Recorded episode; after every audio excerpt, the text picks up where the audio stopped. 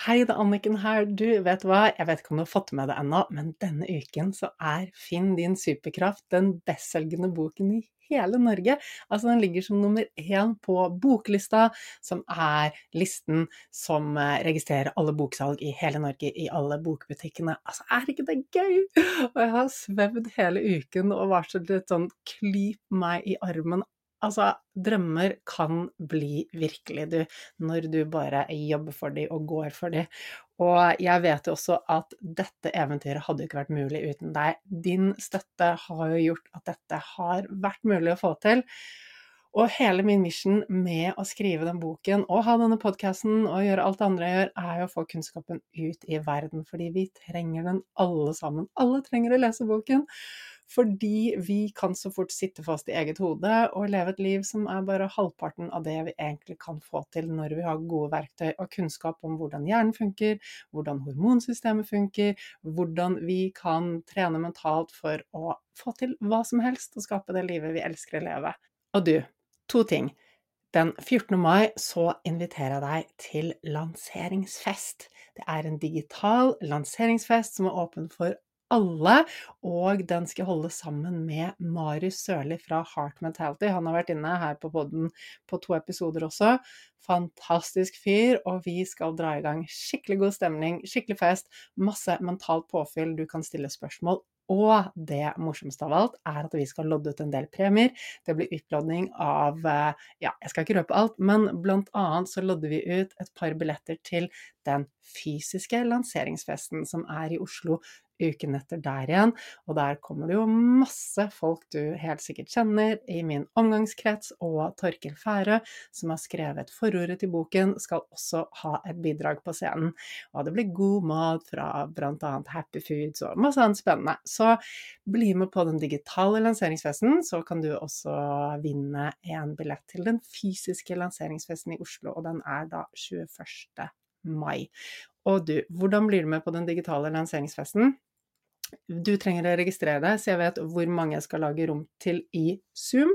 Og da går du til annikenbinds.com, og så skriver du skråstrek digital strek boklansering. Der finner du det. annikenbinds.com skråstrek digital strek boklansering, og så finner du det. Og finner du det ikke, så send meg en melding eller e-post, så skal jeg gi deg linken så du får registrert deg, sånn at du kan være med på festen. Tirsdag 14. mai klokken åtte. Vi holder på maks én time. Eh, og enda en kul ting, onsdag 15. mai, til de av dere som bor i Bergen og bergensområdet, onsdag 15. mai klokken 18.00 så er jeg på Nordli i Strandgaten 1 og signerer boken. Altså, bare kom innom. Ta med deg boken om du ikke har fått den signert ennå. Du kan også kjøpe boken der, men bare kom innom. Gi meg en klem. Si hvem du er. Si hva podkasten, kurs eller boken har betydd for deg. Jeg har så lyst til å møte deg på ekte.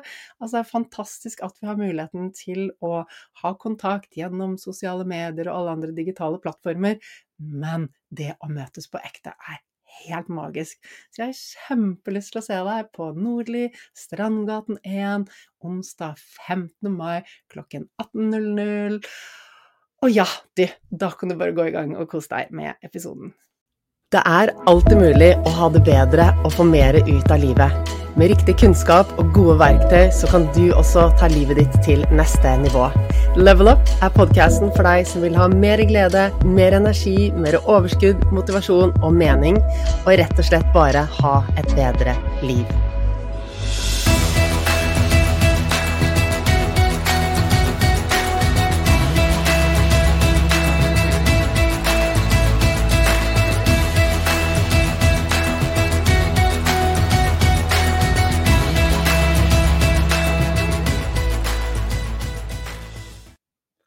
Kan vi bli friske når vi har vært ordentlig syke, ordentlig langt nede?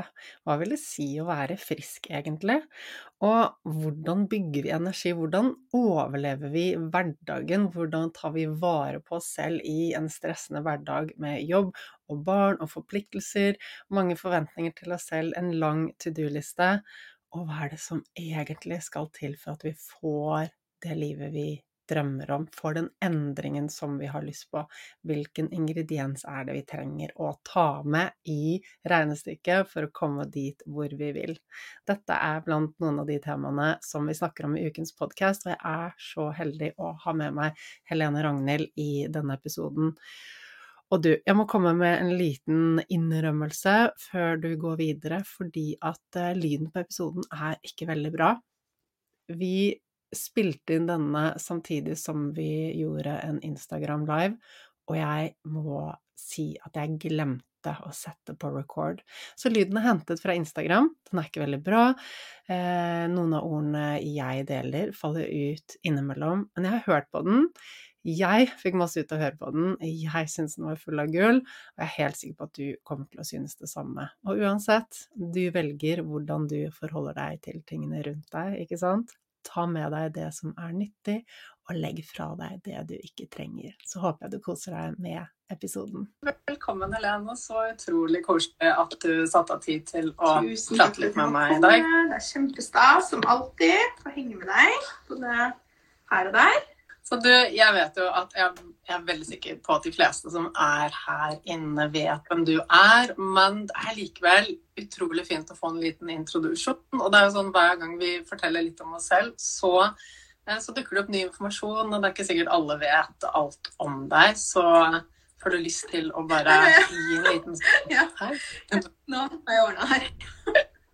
Yes, altså Jeg heter jo Helene Ragnhild, og jeg er jo lidenskapelig opptatt av alt vi kan gjøre for å føle oss best mulig og hjelpe så mange som mulig med å få altså, et bedre liv. Et liv som føles mer meningsfullt, der man har mer energi og trives i egen kropp. og det er jo kommet fra min egne lange reise til å komme dit hvor jeg er i dag.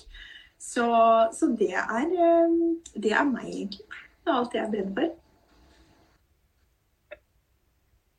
Ja, det er så gøy, fordi de du bruker, er jo akkurat det samme jeg visste uh, om meg selv. Uh, og vi, vi, snakker jo om det samme, vi jobber med det samme, vi, vi deler det samme. altså forskjellige innfallsvinkler.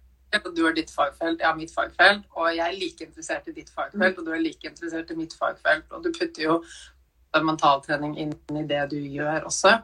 Um, så jeg syns det er så utrolig gøy. Så det er så mange jeg får tilbakemelding fra som har gått mm. både ditt kurs og mitt kurs.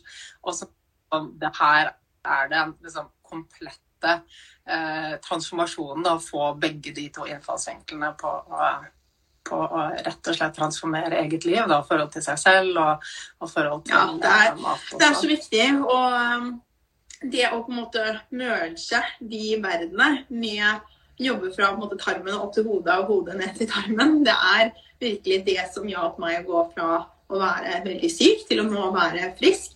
Det er så morsomt, Jeg fikk en kommentar her om dagen hvor noen skrev sånn ja, man kan vel ikke egentlig bli helt frisk av ME, men det er noe du må lære å leve med, og det virker som du har gjort. Og da skjønte jeg at jeg ble så provosert. Så da måtte jeg liksom gå i 24 timer før jeg svarte. Eh, fordi jeg var for sånn oh! altså liksom Det å føle at noen andre kommer inn og sier sånn Nei, du er ikke frisk. på en måte, Og jeg bare Jeg er så frisk som det går an, føler jeg. Altså, jeg lever jo nå et uh, liv som Jeg liker ikke å si hektisk, for det føler jeg liksom negativt ladd, men det er mer det at jeg har muligheten da, til å liksom tøye strikken hvis jeg trenger det, og det går helt fint. Så, så nå så driver jeg og bygger hus, styler leilighet, flytter. Jeg holder på med et svært prosjekt som jeg snart skal uh, fortelle mer om. Jeg har over 800 kunder som jeg følger opp på kurs. Magisk fine damer. Og i tillegg så har jeg to små barn. Ammer. Altså sover litt lite. Og det går bra. Jeg våkner opp med liksom en reset hver dag. Da. Ja, kanskje skulle sovet mer, men ellers så er det ganske bra. Og det er mulig, og det er så viktig at vi sprer håp. Og jeg liksom jobber med meg selv nå. Slutt å være så redd for det. Snakke høyt, rope høyt. og liksom, Det går faktisk an å endre livet ditt radikalt. Og det er du som sitter på makten til å gjøre det, ingen andre. Og det jobber jo du med. Altså, der er du, Og du har hjulpet meg, så skal vi komme inn på. Men sånn til bare endre ting. Det går an. Det går an altså, Jeg får helt gåsehud når du sier det. For jeg, jeg syns det er så utrolig gøy å høre. Det du sier at det, Ja, du er jo god på å passe på deg selv, men du vet også at ok, i perioder så kan du tøye strikken. Du vet at det funker. Og det er en så stor forskjell. For når vi har eh, tøyd strikken altfor langt, så har vi ikke den robustheten. Vi, vi spretter ikke tilbake. Ikke vi får ikke restituert oss. Og det er liksom det som skjer når vi går inn i utmattelse eller har noen liksom andre sykdommer. Eh, at vi rett og slett aldri får hentet oss inn. Og så er det sånn sant, med eh, ME og liksom andre typer autoimmune sykdommer og mange av de plagene, uforklarlige plagene og lidelsene vi har i dag, da, så er det sånn hver enkelt tilfelle og hver enkelt person er jo helt, helt ulik. Eh, og det jeg ser mye i praksis, er at de som gjerne har masse autoimmune sykdommer, har fordøyelsesproblemer, har ME eller utmattelse eller en form for det, fatigue. Det handler veldig ofte om at de har hatt eh, en oppvekst som har vært utrygg, kanskje helt av den tiden de lå i, sant, i magen til eh, mor, eh, gjennom barndommen. Og, og, alt dette emosjonelle stresset over tid, det gjør jo noe med kroppen. Mens andre går kanskje inn i utmattelse fordi de bare har pushet seg for langt, men at det egentlig ikke er så mye emosjonelt stress der. Så det er, liksom, det er veldig forskjellig utgangspunkt. Så jeg er også helt enig i at vi kan alle bli friske, men veien for å komme dit er jo helt ulik. Og hvordan helt frisk ser ut for deg, er annerledes enn for meg. ikke sant? Og så må man huske, En av de tingene som jeg selv gjorde da jeg på en måte kom dit at jeg faktisk definerte meg som frisk, og det tok lang tid, og det var liksom opp og ned og feila og kjørte meg selv tilbake i senga og alt det her, så var det det med å si til meg selv at eh, jeg er et menneske selv om jeg nå på en måte er frisk. Det er jo ikke sånn at man da er et overmenneske. Du blir aldri sliten, du blir aldri syk. Så jeg husker når jeg ble forkjøla sånn i starten, og det var på en måte sånn likt, da, fordi kroppen da kjenner det igjen, ikke sant, så husker jeg at jeg sa til meg selv sånn Friske mennesker blir også syke. At jeg liksom må ta sånn mantra for å huske på at liksom, jeg er fortsatt en frisk person. Du kan fortsatt brekke benet selv om du er frisk. Og så er det jo også så viktig det du sier med at det er forskjellig hvordan man definerer, og man kan ikke gjøre alt på en gang. Og det husker jeg veldig godt fra det jeg selv hadde hjemme, at mange sa sånn ja, men jeg er ikke frisk før jeg liksom typ kan jobbe fullt, ha fire barn, løpe maraton, være toppleder. Jeg bare, Hvem er det som lever sånn? Da har de liksom 100% har de au pair og PT og altså Det er ikke liksom det livet kanskje du lever, da. Idrettsutøvere også trenger jo å restituere seg. Sånn at eh, det å liksom synonyme av den Ja, men du lever på den måten nå. Uh, at du liksom, også kanskje på real så ser det ut som jeg bare liksom, tar dype pust og er takknemlig. og bare, ja, ikke sant? Så sikkert jeg må putte mer inn av det virkelige livet. Uh, men det er liksom På baksiden da, så, så er ikke livet vårt like. Og vi ser jo alt via måte, vår egen persepsjon. Så ja. Men det er i hvert fall mulig å endre ikke sant? Og så skal man ikke holde på liksom en sånn ett bilde av hva det betyr for deg. Jeg syns alltid, og det sier jeg alltid til kundene mine også, det viktigste er å komme dit at du på en måte har fokus på at du skal bare bli ett steg bedre, friskere. For det kan alle. Alle kan bli bedre. Ja, jeg er så enig. Det er liksom det ene steget, istedenfor å ha fokus på ok, jeg skal komme til et endelig mål som skal se ut. Og så har vi det ideale da vi kanskje er toppleder, og vi trener hver dag, og huset er fresht, og barna er flinke og går på aktiviteter hver dag, og, og vi ser fantastiske ut, så er kanskje det idealet vårt. Det er masse energi og lykkelig hele tiden. Men det er, er helt, helt utopisk. Og det er de små stegene på veien dit som er viktige. Og jeg hadde, altså, jeg har ikke hatt ME, men jeg er sikker på at hvis ikke jeg hadde kommet mental trening, så hadde jeg vært veldig nærme å gå ned den veien også, fordi jeg ble bare mer og mer og mer opptatt. Og heldigvis før det gikk for langt, så begynte jeg å lære om mentaltrening og skjønte at ok, det som skjer i hodet mitt av tanker, skaper emosjonelt stress som faktisk gjør meg syk. Men veien min tilbake har vært kjempelang, og det har vært utfordrende å liksom kjenne ok, hva er ordentlig sliten, hva er nå har jeg hatt tankekjør, eh, sliten. Hvor mye tåler jeg? Ikke sant? Fordi det er jo sånn at Hvis vi ikke utfordrer oss, så tåler vi mindre og mindre. Altså, Vårt nervesystem trenger å utfordre. Så gjør vi veldig lite, så tåler vi veldig lite. Men gjør vi for mye, så begynner vi også å tåle veldig lite. Så det er liksom å finne den balansen. Bygges opp steg for steg. Og på Instagram så kan det også se ut som jeg gjør så mye. Jeg er på fjellet hver helg og liksom trener hver dag og mediterer hver dag og lager sunn, hjemmelaget mat fra bunnen av. Men jeg har hjelp til å vaske opp og rydde hjemme. Jeg drar, når jeg drar på fjellet, altså, eh, som jeg skrev i en e-post her eh, forrige uke Vi drar på fjellet hver helg, men det som barna rotet ut i desember, det ligger fortsatt i stuen. Eh, altså, alt annet settes på hold, fordi jeg vet at jeg får jo ikke gjort alt samtidig. Og jeg har veldig mye hjemmekontor. Jeg er ikke ute hver dag. fordi jeg vet at hvis jeg hadde måttet løpe ut av, av døren klokken åtte hver morgen, så hadde jeg måttet prioritere annerledes. Ikke sant? For jeg har jo i perioder eh, liksom sittet på kontor ute, og så har jeg alltid kommet tilbake til at det er sånn som livet er nå. Barna kommer hjem klokken to fra skolen. De trenger meg. Jeg har lyst til å lage mat til dem, hjelpe dem med lekser. Eh, jeg har lyst til å skole rolig morgen, og jeg har muligheten til å velge. Og jeg har muligheten til å få inn en treningsøkt i løpet av, i løpet av arbeidsdagen. Men det går jo på bekostning av noen ting, for vi får ikke inn alt. Og det, det er jo ikke lett å se på utsiden, men, men det handler ja, om altså, nå har vi, Fordi vi skal eh, bygge dette huset, så er det veldig mange valg. Og jeg ble så glad når du delte med meg at din mann også hadde sittet lenge oppe og sett på farger og sånn. Fordi jeg har blitt liksom mobba hjemme fordi han, han bare jeg hadde brukt sånn syv timer om dagen på å tenke på farger. Men det er jo sånn at jeg har bare slukt min oppmerksomhet. Og hver gang jeg sitter hvis jeg har vært inne på Instagram for å liksom poste og sånne ting, så er jeg sånn ser liksom noen spille, så er jeg sånn hm, Hvilke farger er det? Kanskje jeg kan spørre de sånn, hvilke farger har du på veggen? Og det er sånn farger, farger, farger. Og det, du viser bare hvor, hvordan hjernen bare blir helt sånn Da brukte jeg så mye ressurser på det at så klart så tok det fra andre ting. Og så sendte jeg den i fargevalgene, og han var bare sånn Tenk hvor mye tid du har nå til andre ting! Fordi du har vært så fokusert på det. Og det er, det er jo bare så interessant å se hvordan man på en måte Vi har jo de samme måte, mulighetene egentlig eh, på veldig mange ting. Men så er vi jo liksom, De tingene vi er i, det tar jo den tiden det tar, og stjeler på en måte av våre ressurser ofte. Og så er vi jo så satt. Så det tenker jeg er interessant å høre liksom, fra deg. Da. Hvordan skal man begynne? Hvis man da tenker sånn OK, men jeg har da en 8-4-jobb. Og jeg kan ikke bare liksom endre det. Ikke sant? Fordi da Ja. Og så, hvordan skal jeg da begynne å liksom utfordre meg litt da, på dette mønsteret som jeg er veldig i? Har du noen tanker om det? ja. Mm, ja. Og det er Ikke sant? Viktig å huske på at vi kan ikke få til alt. og det å liksom tenke at jeg skal meditere hver morgen, trene hver dag og liksom gjøre alle de tingene, i tillegg til å jobbe fulltid og ha barn, det, det, er bare å legge fra seg med en gang.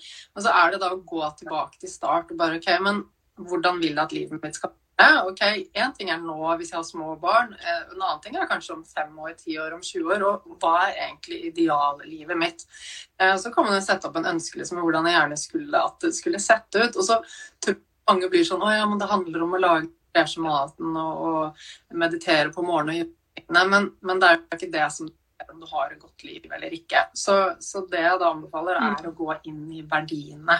Sånn, hva er eh, verdiene våre? Og det er klart at det, det er en prosess å komme dit. Hvor eh, dette jobber vi jo med i kurset mitt også, bruker lang tid på det. Og jeg ser at mange trenger lang tid på å komme dit, fordi vi har gjerne levd liv hvor vi har eh, levd andre sine forventninger, samfunnet sine forventninger. Og når vi gjør det, så legger vi lokk på våre egne behov, og da har vi ikke lenger kontakt med hva som gir oss glede, hva som er viktig for oss. Så det kan være en lang prosess å liksom dra av alle de lagene av løken og komme til bunns i hva er i meg glede. Um, men hvis man lurer på hva det er for noe, så, så er, handler det om å kjenne etter. Om vi føler at en ting gir oss mening, en sånn følelse av kompletthet, bare det er riktig, det kjennes bra ut, da er vi på rett vei. Og hvis vi da på den andre siden kjenner at det, å, dette her føler at det er meningsløst, det suger energi, det skaper indre uro og stress, da er vi på vei bort fra hverandre. Så det handler rett og slett om å liksom begynne å finne ut av det. Og kan man si OK, men kanskje verdien er god helse, da. Um, ok, så kan jeg se på hvordan jeg kan begynne å få inn mer av det i hverdagen. Og det er fint. Og så vil vi da også kanskje se at ok, hvis det skal bli stress for meg da å få inn meditasjonen og treningsøken hver eneste dag, så hva gjør det med verdien min helse igjen? ikke sant? Så vi alltid en sånn derre mm, Vi kan analysere og, og liksom se ett skritt videre og ett skritt videre og se på det totalbildet av livet vårt. Fordi ja, helse tror jeg er viktig for alle som lytter her, og for deg og meg. men men eh, Eh, vi har jo ikke god helse hvis vi stresser med å få inn alle disse helserutinene, eller hvis vi må lage mat fra bunnen av hver dag, og så tar det nattesøvnen og det stress og alt sånn, da er det kanskje bedre å kjøpe med ferdig mat den ene dagen, ikke sant? Så det handler jo om, om rett og slett å begynne å finne ut okay, hva er det aller, aller viktigste for at jeg skal være fornøyd med livet mitt, og så være bevisst jeg får ikke inn alt. Jeg kan ikke prioritere alt. Noen ting må prioriteres, og det er det som er aller, aller viktigst. Og så er liksom småbarnsfasen Er vi fulltidsjobb, to foreldre i full, uh, i full jobb med små barn, så er unntakstilstand. Er det, og jeg, jeg gikk jo den fellen da jeg fikk barn, for jeg var jo superdriftig før jeg fikk barn. Og så tenkte jeg at men etter jeg får barn, da skal jeg gjøre akkurat det samme som før. i tillegg alle de barnegreiene. Og sånn der, altså, vi totalrenoverte tre boliger og solgte to av de de første tre leveårene til barna våre. Så Ja, det er galskap. det er helt galskap. Så, men, men, det som altså, Og det, det, jeg tenker da, når du får på plass det, så, så vil det jo også dukke opp sånne unnskyldninger. Eh, ja, det er fint uh, å meditere, det er viktig for meg, men det er fordi eller ja, det er fint å få trent uh, tre ganger i uken. Jeg kan ikke det fordi Og så kommer vi med en unnskyldning. Og de unnskyldningene er spennende. Uh, så bli bevisst på hva er det jeg sier til meg selv som er en sånn unnskyldning. For jeg sa selv veldig lenge jeg kan ikke ha en uh, fulltidsjobb fordi mannen min er gründer og jobber så mye sent. Så det går ikke. Jeg kan ikke leve 100% av mentaltrening. Det må være en sånn deltidsgreie mm. som jeg gjør litt på siden. Og det Ikke sant? Fordi vi er redd for å kanskje feile, vi er redd for å bli slitne, redd for å, at, redd for å rett og slett bruke mye energi, og så beskytter vi oss med å komme med sånne unnskyldninger. Så det er liksom her det å gå inn i den derre 'jeg kan ikke gjøre det fordi', og så bare undersøke hva er det, um, og, og begynne å stille spørsmål ved om er det egentlig sant. Og så vil vi jo oppdage som oftest at jeg kan se på det på en annen måte. Det kan jeg kan snu rundt på det, og så kan det bare funke på en annen måte. Det må ikke være sånn som det er satt opp i hodet mitt. Ja, det er veldig så, viktig. Og så ja. ikke minst ta ansvar. Det er jo, jeg føler det er min sånn kjepphest. Det er liksom ta ansvar for eget liv hele tiden. Det er ingen som kommer og redder deg. Og det jeg selv har gjort, f.eks. med trening Nå, nå er jo eh, hun yngste eller rett over ett år.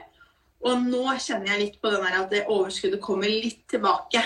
Og det er litt lettere for, um, for han å ha begge, og jeg kan være borte. Jeg har vært borte én natt, ikke sant. De har sovet borte én natt. Og da er det litt mer sånn OK, kan jeg kanskje få inn trening på den måten jeg vil, da? Sånn at jeg kjenner at det gir meg også glede, ikke bare at det blir sånn trening for å trene. Uh, men før det så har jeg på en måte aktivt tatt et valg og sagt at jeg prioriterer ikke det akkurat nå. Og da kjenner jeg ikke på noe sånn dårlig samvittighet for at jeg ikke trener fordi jeg beveger meg. Jeg har gått masse turer, jeg har trilla. Jeg tar mange knebøy hver dag med en baby på armen.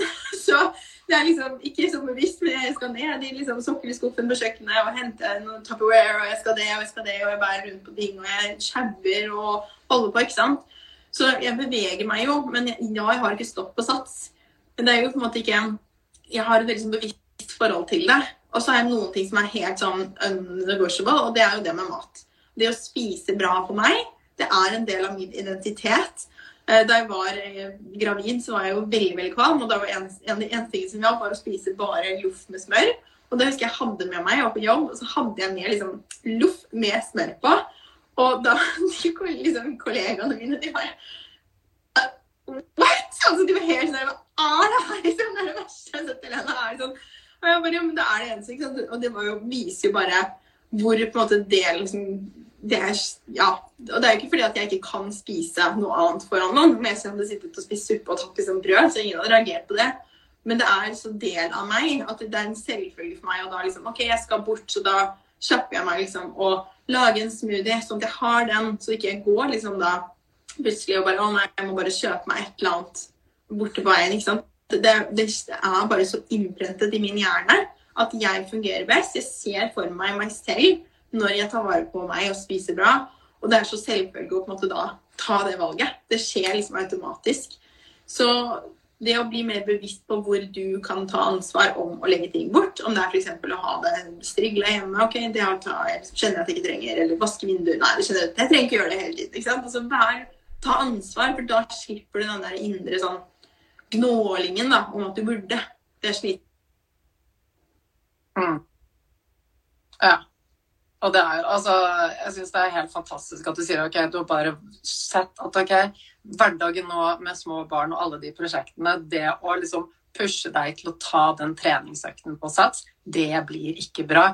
Eh, og legge bort det og ha god samvittighet for det. Og det er jo akkurat som du sier, det er med små barn man er jo Nei, jeg kjenner litt på jeansen nå. At det er liksom ikke noe problem. Det er jo heller sånn der Å, jeg må kjappe og liksom passe på å spise nok. Så ja. Det er jo den Altså, den, den ene timen er egentlig ikke verdt så mye. Det er hverdagsaktiviteten som er vi trenger. Og det viser også forskning de som bor i de blå sonene, de som lever lenge. Det er ingen av de som driver med hardtrening flere ganger i uken på treningssenter. De er ute, steller hagen sin, de har mye bevegelse. Eh, spiser sunn mat, eh, men lever rolig livsstil. Det er ikke noe stress trening der, og vi er ikke skapt for å stresstrene og masse trening hele tiden. Eh, vi, liksom, hvis vi går tilbake til jegere og sanker og sånn vi var før, så var vi ganske rolig, hvilte mye, styrte med de hverdagslige tingene, og så var det noen sånne skikkelig hvor vi kanskje måtte liksom bekjempe en fiende eller overleve et eller annet sånn, litt sånn større greie som skjedde, og så fikk vi rote oss etterpå. Det, vi mennesker er ikke laget for å trene, trene. Jeg driver med crossfit, og det er jo veldig, veldig gøy. og har vært liksom på at jeg skal begynne med det, og jeg bare Det er ikke for meg. Altså Jeg kjenner liksom En gang jeg holdt på med det sånn hardtrening før, det funka ikke for min kropp. Så, og det skaper bare masse stress som jeg ikke klarer å um, Fordi man er forskjellig, ikke sant. Uh, så jeg sa, jeg kan liksom våkne om morgenen og bare tenke, tenke, tenke, tenke liksom tusen tanker, og det kan være helt sånn Hvor skal jeg plassere den potteplanten når vi skal ha visning? Altså sånn dumme tanker som er helt ubetydelige. Eller sånne store ting. altså Mange mange ting da, som er sånn hele tiden. Uh, men sånn er det ikke for han. han har jo den do the nothing box som menn har, hvor man har sånn Jeg tenker på ingenting. Hvor jeg bare Å ja. Det must be nice. Så det er liksom jeg, tenker, jeg tror bare han, han, har mulighet til å fjerne det lettere enn det jeg har. Jeg tror det akkumulerer på en helt annen måte i min kropp. Så det å kjenne etter hva som er riktig for en selv, det er utrolig viktig når man er i en sånn prosess. Eh, og det føler jeg at begge vi snakker masse om. Det er på en måte det som er fokuset. Liksom, det å styrke den vi jobber med, eh, og hjelper med å finne sin vei. Bli kjent med liksom, kroppens signaler og jobbe med sin hjerne og finne ut hva som er riktig. Løse opp i sine knuter og blokkeringer, ikke sant? som du gjør masse. Så det, um, det syns jeg er så fint. Uh, å finne sin vei. Da. Hvis ikke så jeg tror mange i starten kan komme litt inn at man begynner å følge mange, og så blir det veldig sånn Å, jeg burde uh, isbade, jeg burde trene sånn, jeg må gjøre det, jeg må gjøre det. ikke sant? Og så blir det liksom plutselig så er det så mange ting du skal gjøre. Det er liksom 50 forskjellige vaner du skal ha inn på en vanlig mandag. Og da bikker det litt over, ikke sant. Da blir det ikke så sunt, fordi da er man jo jeg kan nesten merke på de kundene jeg har som er sånn, måten de skriver, måten de er sånn Ja, men er det sånn eller sånn eller sånn? sånn? Og jeg bare Pust med magen. Det har lite å si. liksom, bare, det, det, vil ikke ha så mye å si i det store bildet, ikke sant. Ja, for det, for det, er det store bildet som, som, som, det handler om. Og det er summen av de tingene vi gjør over tid, og ikke den ene tingen. Og igjen så er det så mange som kommer bare Ja, men bare gi meg det ene verktøyet, og så skal alt ut. Eller den ene kostholdsplanen eller den ene tingen, men, men, det er summen av alt over tid. Og, og du vet jo det så godt. Du har jobbet så mye gjennom de siste årene med sånn tankesett og maten. Og liksom Jeg vet at mange kommer og tenker at de vil ha en quick fix. De som kommer til deg, eh, er det eh, Tenker de mest på mat og det at de skal få en kostholdsplan og så få fikse ting, eller er det mange av de som er med at tankene Jeg opplever at flere og flere er mer åpne for det, men jeg snakker også mye mer om det nå enn før.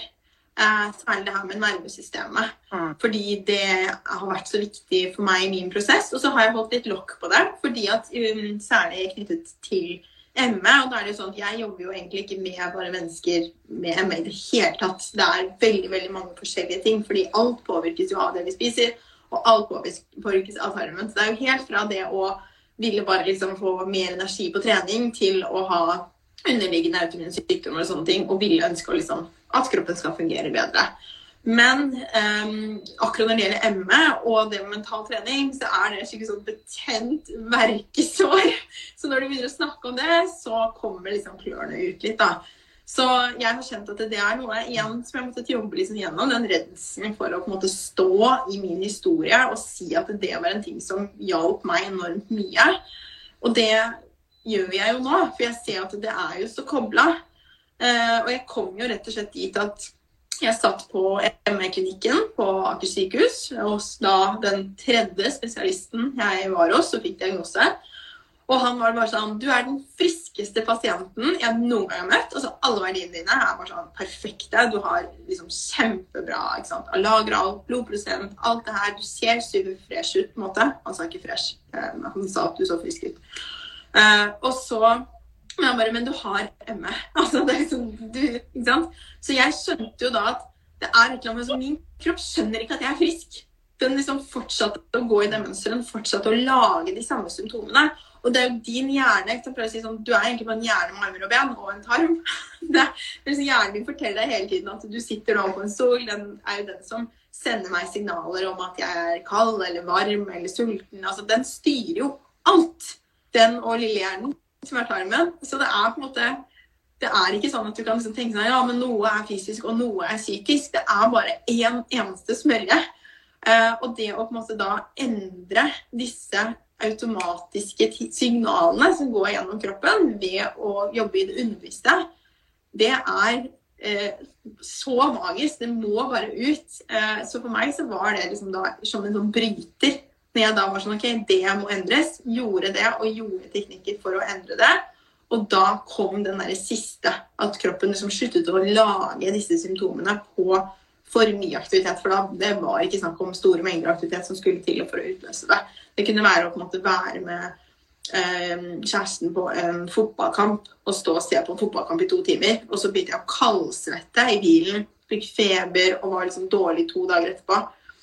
Og når jeg da, akkurat som jeg fortalte kroppen at liksom, det, den trenger du ikke å lage lenger, så slutta den med det. Ja, ikke sant. Det er, smert, det er, og det er veldig mange som har blitt bedre eller friske ved å bruke disse metodene, men det snakkes ikke om. Og det er jo tror jeg, to grunner. ene er at det er vanskelig å forklare, kontroversielt, det virker for godt til å være sant. ikke sant? Og det andre er jo det at eh, de aller fleste som blir friske fra sykdom, enten, og særlig tror jeg når man er ung, i hvert fall alle de jeg kjenner som har friske, har gått videre til å leve helt vanlig liv. De har tatt master, de har fått barn, og de vil ikke assosieres med sin sykdom. De er ikke interessert i å være ute sånn som jeg gjør, og snakke om at jeg har hatt en sykdom. Fordi at Hvis du da blir googlet av en arbeidsgiver, så er det liksom det som kommer opp. Og det er ingen som vil ha det knyttet til sitt navn når det gjelder å komme ut i arbeid. Eh, det er bare liksom å kalle en spade for en spade. ikke sant? Um, fordi man blir dømt, og sånn ubevisst så er det sånn. Så dette er jo ikke mennesker som heller kommer tilbake til sykehuset og bare Hei, jeg vil bare si fra, jeg har blitt frisk. Altså, du, du, får Jeg fikk diagnose, jeg fikk en brosjyre, og lykke til, liksom. Du blir ikke fulgt opp. Ikke sant? Så det er ikke sånn at de bare Ja, nå ser jeg, nå har jeg fulgt opp masse masse pasienter over liksom 10-20 år og sett hvor mange som har blitt friske. Så igjen De bare forsvinner og lever vanlig liv. Og bare, men de er der. Jeg kjenner mange av de, og jeg møter og hører fra de hele tiden. Men de som er i media, er de som sliter, og som ikke blir friske, og som ikke vet hvorfor de er dårlige. Eh, så selvfølgelig. Men jeg syns det er så utrolig fint at du deler dette, Helene. Og så er det sånn at det, ja, for mange så er det fortsatt litt sånn oh, men er det sant? Og det høres litt rart ut. Kan tanke skape en fysisk reaksjon i kroppen? Men vi vet det. Vi vet jo at hvis vi tenker på noe, kan vi bli lei oss, vi kan bli sint. Ser du på en dramafilm hvor eh, det er la oss si, noen som dør, eller eh, noen eh, mister kjæresten sin, eller noe, så begynner du å gråte. Du blir påvirket. Hvis jeg tenker på en veldig pinlig episode som jeg, jeg, hadde da jeg var 14 år gammel, så kjenner jeg fortsatt at jeg kan bli en sånn klam i hendene, og det knyter seg i magen. Det er bare å tenke på det. Så vi vet jo at alle tankene Når vi tenker etter, så vet vi at tankene skaper fysiske reaksjoner. Og i dag er det forskning på det også. Og det man ser, altså forskningen som er gjort, viser at det Eh, bare det å liksom endre tankene litt. Da, Vi gjorde en studie jeg tror det var over seks uker, eh, hvor det var noen som bare ikke fikk noen beskjeder, mens den andre gruppen de fikk da beskjed om å altså, si affirmasjoner hver dag, og de kunne ikke gå og legge seg med liksom, noe irritasjon og liksom, sånne ting. Så, så, de brukte affirmasjoner hver dag, og de så, nå husker jeg ikke tallene eh, litt lenge siden jeg så på den studien, men det hadde en sånn markant økning i eh, altså de immuncellene, de som hadde tenkt positivt, og, versus de som da eh, tenker negativt, så ser man at det faktisk mm. påvirker immunsystemet på en måte. Og sant, Dette har jeg sett mye forskning på, og jeg kjenner det på meg selv. Jeg ser det på mine, men nå har jeg også begynt å bruke en sånn pulsklokke mm. som måler mm. heart rate variability. Garmin-klokke som, som, rett og slett måler stressnivået ditt. Og det som er så spennende, og, og det som er OK, nå jeg jobber som mentaltrener, har gått en skikkelig reise, bygget selvfølelsen, står stødig i meg selv, men det betyr ikke at jeg aldri blir trygg. og Alle tankene bare er positive. helt så det var ha på meg den klokken. Og da gir du feedback da, på hva som stresser deg, og hva som faktisk lader batteriet ditt. Um, og så hadde jeg stått en morgen her for et par uker siden og bare vært skikkelig irritert på en bagatell. Ok, Så det skjer hos meg også. Og bare brukt mye energi på å være sint for det. Og så sjekket jeg på klokken på målingen etterpå, og så så jeg at det bare spiket i stress, i stress, i stress, bare fordi jeg hadde gått og kvernet på en sånn irritasjon tanke. Eh, og det varte kanskje en time eller noe sånt, Nå var ferdig med det. Men tenk når det er det du gjør hver eneste dag. Jeg tenker på ting som gjør deg redd, som gjør deg irritert, eller du kjenner på dårlig samvittighet. Kritiserer deg selv. Men alle sånne av de typer som vi kaller negative tanker, de oppfatter jo hjernen som en trussel. Og så, hvis det er en trussel, så må de settes i stand for å bekjempe den faren og bang, så er stressresponsen på. Um, og Det kan kanskje være litt sånn oh, skummelt, og kan tanken min sette i gang stressresponsen. Og nå jeg må ikke irritere meg, jeg må ikke tenke på ting som er negative. Men vi tåler jo mye stress også. Men det er, liksom, det er summen av det over tid. Og så blir det jo en vane da, når vi har tenkt mye av en type tanke, så blir det den vanetanken. Vi våkner opp og har den tanken. Vi våkner opp og kritiserer oss selv. Vi våkner opp og tenker at livet er kjipt. Vi våkner opp og tenker de samme tankene, irriterer oss på over partner eller et eller annet, sjefen eller hva det nå er. Og så blir det en vane som bare blir selvforsterkende og selvforsterkende. Så, så, vi vet jo det. Forskning viser det, og jeg ser det også rett og slett på klokken. Og det er sikkert noen her som lytter som også har en klokke og kan følge med. Og det er, det er ganske spennende å se ok, hva lader egentlig systemet, og, og hva tapper det. Og det vil være for som du sa også, at uh, Jonna har en tendens til å liksom bare koble helt av. Liksom. og det ser jeg hos mannen min også. Han kan bare sette seg ned, og bang, så er han i hvilemodus. Legger seg ned, og bang, så sover han som et sten. Mens vi kvinner er av natur litt mer sånn som går og kverner og tenker, og er, har litt mer sånn indre uro. Um, sånn er vi litt forskjellige. Så vi, det er forskjellige ting som, gjør, som påvirker altså vi er ulike, eh, og, vi vil bli påvirket forskjellig av ulike ting, rett og slett. Og lader forskjellig, og tappes forskjellig. Så, så, noen tåler rett og slett mindre enn andre. Og det er, det er en sammensatt uh, årsak til hvorfor det er sånn. Men, uh, men, det som var ganske spennende, det har jeg sett på den klokken, var at jeg tenkte at ok, det å eh, se på TV, det er noe som, som tapper, eh, tapper, meg for energi. Jeg skal ikke gjøre for mye av det. Eh, og så har jo eh, mannen min og jeg vi koser oss med å se på surfefilmer på liksom, fredagskvelden, eller Nytt på Nytt også, noen ganger. når barna har lagt seg. Og, og, det er jo Nå må jeg si at det er ikke noe eller krig eller slåssing eller noe. Skrekkfilmer, det skjer jo ikke sånne ting. Det orker ikke nervesystemet mitt.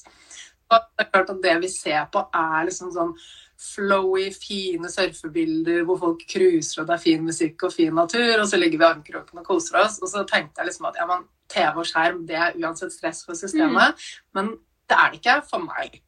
Eh, hvilemodus. Men det vil være annerledes for den andre, og det kommer kanskje an på settingen. Hvem ser du som med, hva ser du på de tingene. Um, så, men det er veldig spennende å kunne begynne å skjønne at ja, jeg har masse makt til å påvirke meg selv av de tingene jeg gjør. Type maten jeg spiser, stresser med systemet, gjør den det ikke.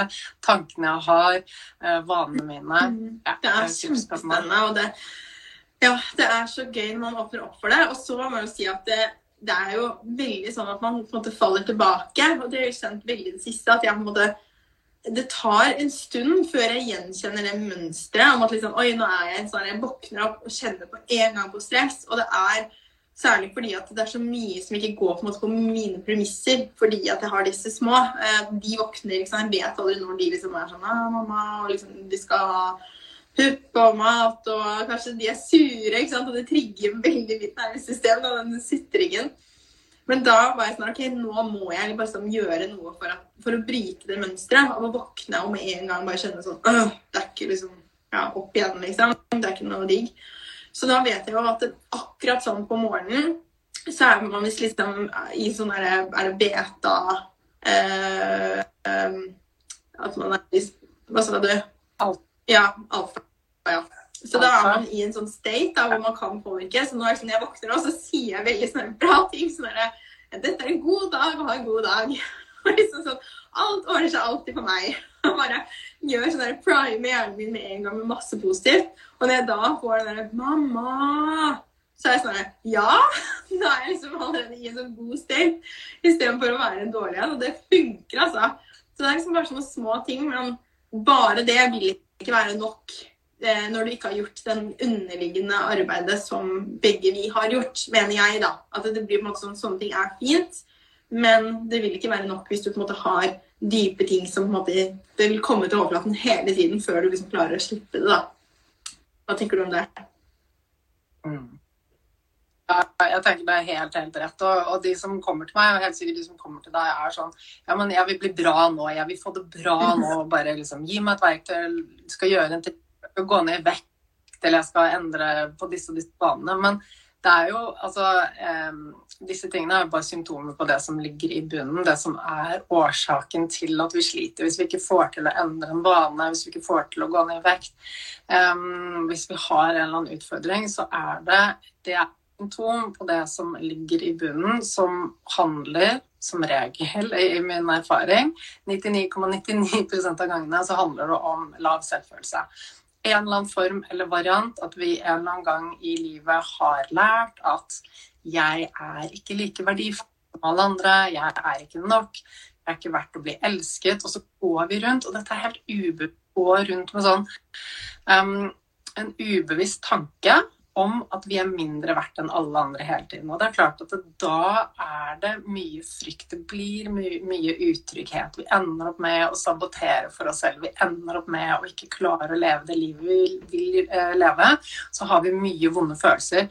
Og så er det som du sier, vi, mange tenker at ja, man kan fikse det litt med å isbade eller liksom bare gjøre journaling på morgenen eller liksom gjøre de tingene for å bare fikse eh, den følelsen.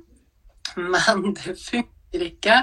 Fordi at eh, ja, du kan godt Ja, jeg kan gå på en konsert med venner og ha det gøy der og da. Det fikk årsaken til at jeg går og er lei meg og har det vondt og kjenner at følelsene svinger.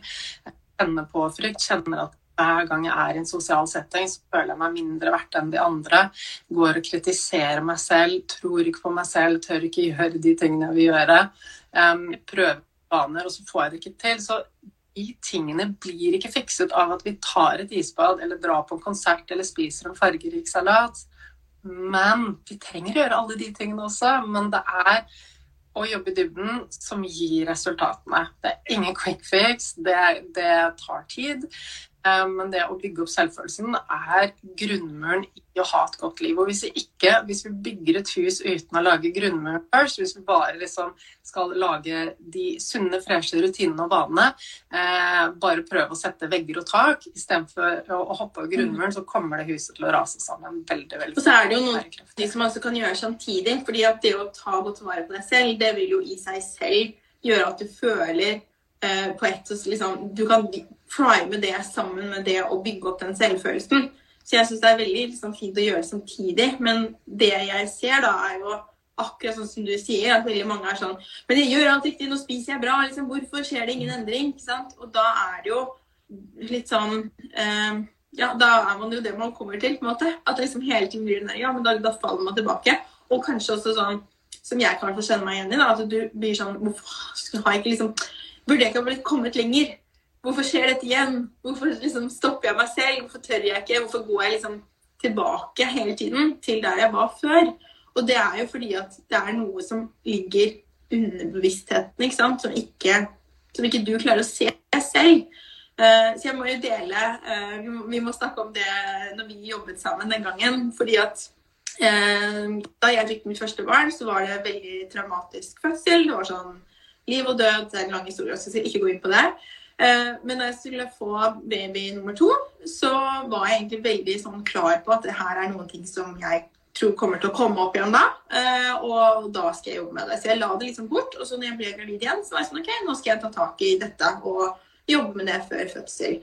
Um, men jeg var uh, også veldig sånn at jeg bare Ja, men jeg er klar for å føde igjen. Og liksom, jeg er ikke redd, på en måte. Jeg, jeg, det kommer til å gå bra. Og sannsynligheten for at det samme skjer igjen, er ikke stor. Så ikke sant? det rasjonelle i meg var liksom sånn Ja, men dette går bra.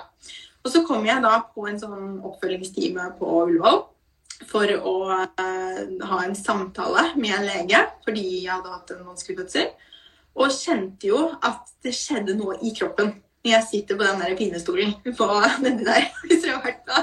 Mange som ser på, sikkert har vært der på Ullevål og skal føde. Uh, og da uh, var det liksom Jeg begynte å svette i hendene, hjertet gikk fort. Jeg kjente liksom at jeg, jeg fikk sånn, liksom, tårene liksom satt sånn rett bak og bare kjente pusten, ble sånn overfladisk og nesten sånn der liksom panikkanfallfølelse. Um, bare før jeg skulle inn på den timen. Uh, og så kom jeg inn til legen og møter henne, og det var liksom veldig veldig fint. og masse tårer og masse sånn. Men det gikk liksom bra, og hun var veldig fin og sånne ting. Og da skjønte jeg jo at jeg måtte jobbe med noe som var uforløst i mitt nervesystem. For det var helt klart at den situasjonen å komme tilbake til sykehuset, samme ting man ser, samme lukter, samme sansuttrykk av å sitte på den bindestolen, det trigget et eller annet i min kropp som jeg rasjonelt ikke klarte å få bort.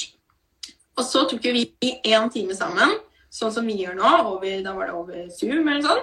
Jeg lå på sofaen i stua her, og du var på skjermen. Og så jobbet vi gjennom og brukte ikke sant, Kommer ned i underbevisstheten. Og det var flere situasjoner som kom opp.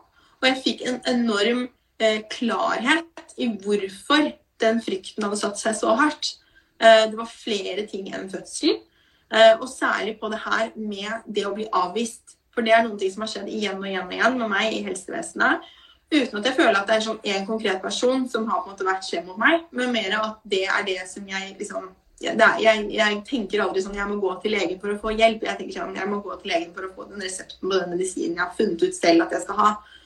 Men jeg føler alltid liksom, hvis jeg drar dit, så er det alltid sånn Nei, nei, du er ikke så syk. Eller liksom. Ja. Så da Poenget er, etter denne timen så får jeg denne klarheten som gjør at jeg på en måte mer bevisst også kan jobbe med dette mønsteret. Uh, går tilbake til Ullevål, time nummer to. Én får ingen reaksjon fra kroppen i det hele tatt. Kjenner helt trygghet med å være der. Og to kan faktisk uttrykke, selv om det var veldig vanskelig for meg, å si at det jeg er redd for, er å bli avvist. Og da fikk jeg en lapp øverst i min på en måte journal hvor det sto 'skal ikke bli avvist' uansett årsak til å komme inn på sykehuset. Og da var det bare sånn På to nivåer løst. På én time.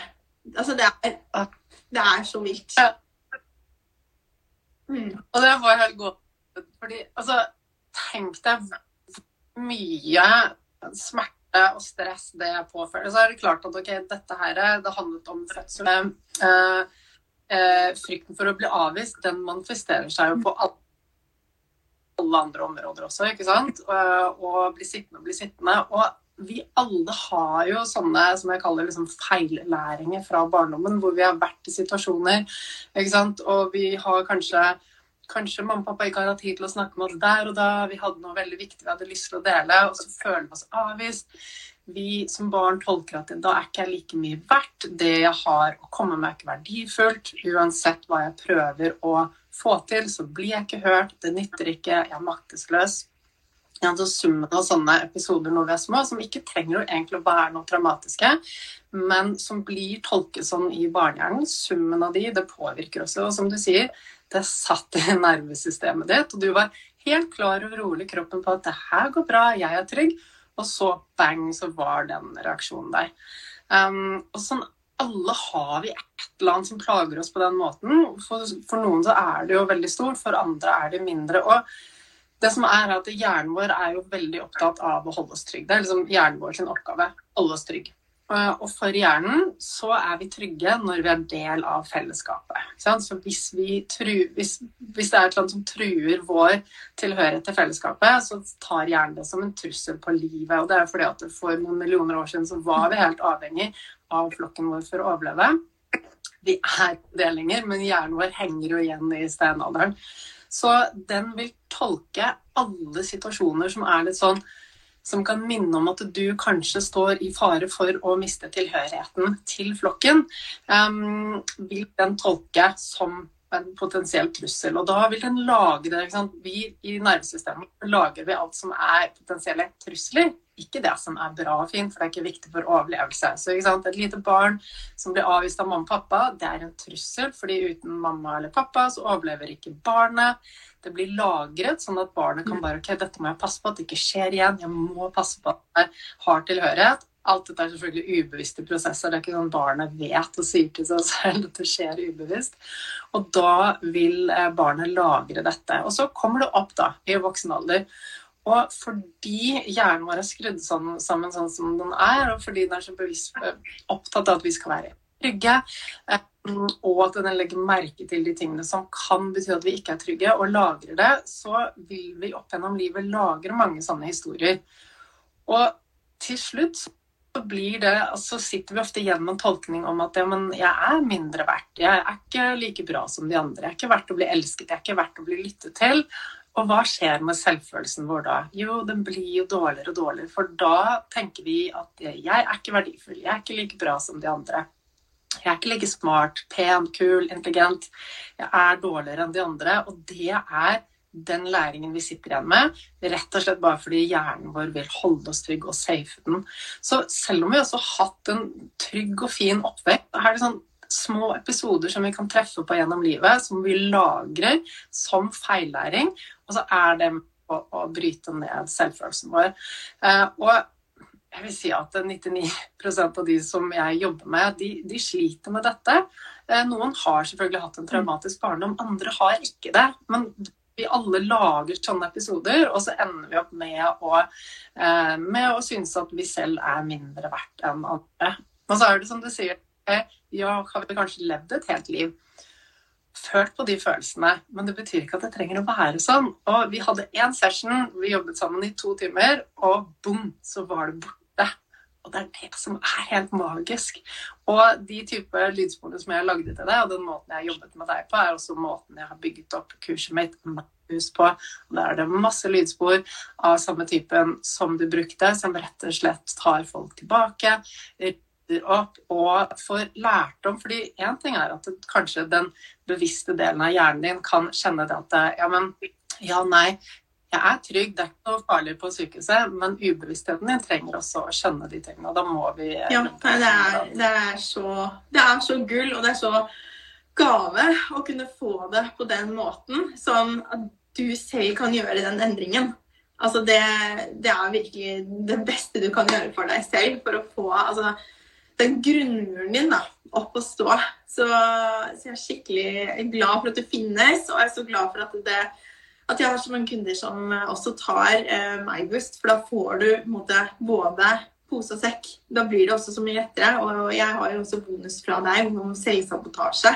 Så det er så mange ting da, som, som er liksom ja, merget. Og jeg er jo i, i meg også, men um, om mat for hjernen-video. Så det er, ja, det er bare så gøy at, uh, å se også ikke minst alle de endringene som skapes ved å lytte til lydspor. Og man kan tenke at liksom, det kan gjøre så mye endring i, i livet, men det kan det virkelig. Ja, helt helt klart. Og det er jo sånn, ja, jeg kan jobbe masse inn med det mentale og, og, fikse på alt det vi har der, men likevel, hvis ikke tarmen funker, så er vi tilbake til en hjerne som ikke funker. Så vi må inn begge veier. Så ja, komboen med kursene ja, våre er bra. Jeg ser til og med noen skriver på liven her at det er eh, ja, anbefales. Det er gøy. Det er virkelig det beste du kan gjøre for deg selv, er jo det å jobbe gjennom dine liksom, greier, sånn at du blir trygg i deg selv. og tenker altså sånn, Vi snakket litt før vi gikk på om rundt hva man kan gjøre for barn. og jeg tenker at det aller, aller viktigste du gjør eh, for alle de rundt deg, er det å jobbe med deg selv. For når du har det bra, så har alle rundt deg det bra. Og da blir ikke du den som trigger så mye, og du blir heller ikke så mye trigget. Så det blir mye mindre konflikt, og du tar sånn, Det blir sånn her don't sweat the small stuff. Du bare er mer stabil, du tåler mer, du er mer robust. Og det er så, det er så deilig. Det er sånn følelse som jeg unner virkelig alle, er å, å, ha det sånn, ha det godt inni seg selv. Mm det å på en måte bare OK, ungene maser, det, det, skjer masse kaos hjemme, og likevel så kan du møte det på en god måte. Med med vennlighet istedenfor å bli irritert for kort lunte, istedenfor å bli overveldet og kjenne at det bare det er for mye, men at du rett og slett bare takler hverdagen og, og har ro i den. Altså, mm. Den følelsen unner jeg alle. Enig. Og bra for en fin samtale, Helene. Tusen takk for at du tok deg tid. Og tusen takk til alle som har vært med her og lyttet. Det var eh, super, super fint å dele alle perspektivene. Læringen din og læringen min. Og å løfte fram de temaene som er så viktige. Og vi, vi får ikke endring uten å gå i dybden. Det, det funker ikke å bare prøve å liksom endre på en rutine og spise litt mer eh, salater eller uh, ta litt mer isbad. Altså, det, det, er supert, men vi, vi må jobbe helhetlig. Altså, alt henger sammen. Det er ikke det ene eller det andre, men det er summen av alle mm. tingene som vi gjør Jeg. Ja, musikk i mine ører. ja, så bra. Tusen takk til deg, Lene. Det gjør vi. Takk til alle som var med. Så snakkes vi. Hva sitter du igjen med nå etter å ha hørt denne episoden? Hva er det du kommer til å ta med deg videre inn i ditt liv? Hva er det du ser nå som du kan gjøre annerledes i ditt liv? Du kan, hvordan du kan tenke annerledes om ting? Hva er det du blir inspirert til å gjøre nå etter at du har hørt dette? Kanskje du blir inspirert til å være litt godere med deg selv, litt rausere, akseptere deg selv litt mer, senke skuldrene litt mer. Det håper i hvert fall jeg. Tagg oss gjerne på Instagram når du lytter til episoden, og del gjerne med oss hva du får ut av den. Du finner Helene Ragnhild på Instagram som Helene Ragnhild i ett, og meg som Anniken Binds i ett. Jeg håper du følger meg der allerede. Så tusen takk for at du var med i dag, og takk for tålmodigheten for eh, dårligere lydkvalitet. Um, sånn er det noen ganger. Livet er ikke perfekt, men det er innholdet som er viktig, er det ikke det? Og du, jeg gleder meg til å se deg igjen neste uke. Ha det bra!